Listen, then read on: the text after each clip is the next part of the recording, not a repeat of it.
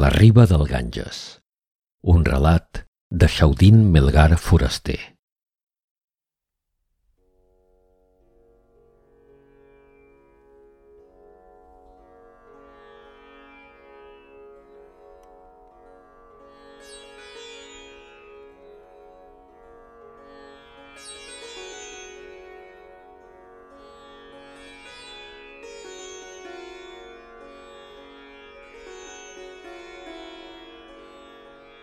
Gent. Molta gent desdibuixada per la calitja. Una multitud amuntegada a les escales a frec del riu.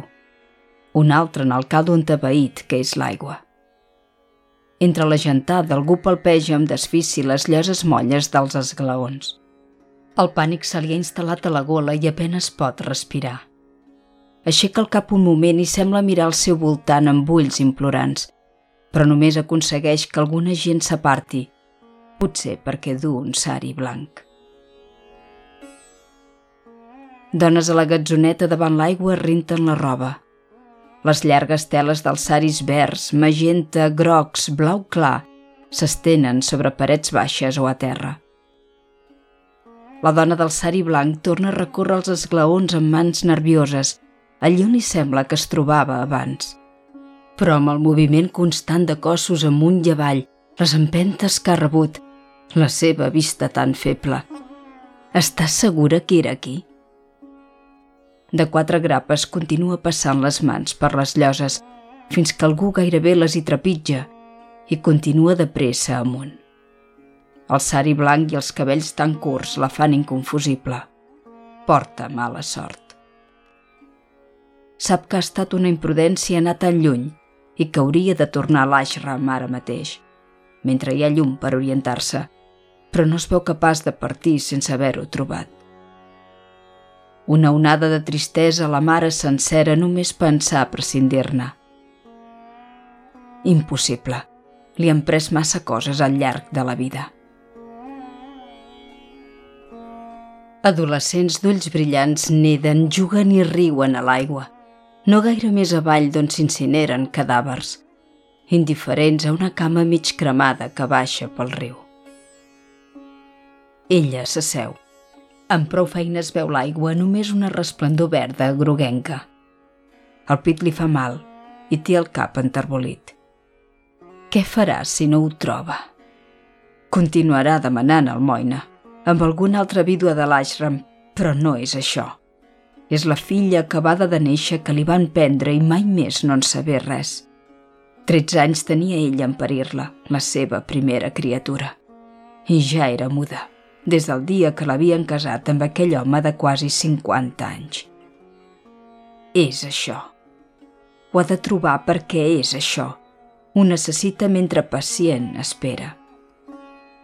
Més de 40 anys ja fa d'ençà que arribar a l'ashram des de la petita vila, fugint de la fúria dels seus propis fills i dels altres familiars que li llançaven pedres per ser una vídua tots aquests anys a l'ashram mentre es mor a poc a poc amb només un plat d'arròs al dia.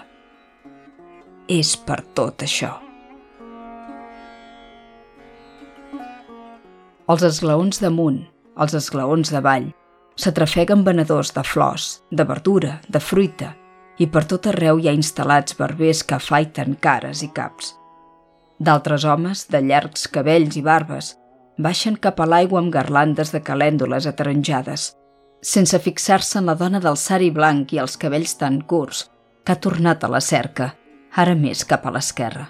Però les mans només troben el tacte aspre de les lloses, un parell de sandàlies i l'embolcall d'una llaminadura. La tormenta la pena. Tan animada com estava, quan a la fi va gosar anar fins al riu per purificar amb la deessa Ganga allò que feia un any la dona forana li havia aconseguit allò que la feia feliç. I ho ha perdut. Ha estat quan ha passat de pressa un nombrós grup de gent que li ha caigut i ella s'ha desorientat. On pot haver anat a parar? Ho ha de trobar. No li demana res més a la vida que trobar-ho. Embarcacions de colors vius, algunes plenes de gent, solquen l'aigua més enllà de les escales mentre ella, suada per la calor i la desesperació, la gola tenallada i empunxades al pit, examina amb les mans un replà de més avall per on acaba de passar una vaca. La sobta sentir tot d'una que algú se li adreça amb veu amable. És una dona vella, qui sap si de la seva edat, però amb un sari estampat. Li diu que si és això que busca, que ho ha trobat més cap enllà, que li sap greu. Ho diposita a les mans que la vídua es ten obertes com quan rep una almoina i se'n va. Ella roman immòbil uns moments fins que apropa les mans a la cara. Els ulls, que apenes hi veuen, s'omplen de llàgrimes. Tanca les mans tremoloses amb allò que tant estima, se les posa al pit i fa un sanglot. S'ha escolat la tarda i l'entrellum de l'ocàs ha deixat pas a la nit, una nit densa sense lluna. Hi ha poca gent als esglaons gastats, ara plens de petites llànties enceses per on aletegen els insectes. Moltes més es deixen portar pel corrent del riu, milers de llumetes envoltades de flors que la gent ha deixat a l'aigua. Ella, però, no veu res, ni res no mira mentre és asseguda en un racó fosc de l'escala, el cos desmanegat contra una paret baixa. Dins la xafogó i la penombra, amb agonia, els dits s'agafen els trossos inservibles de les seves ulleres.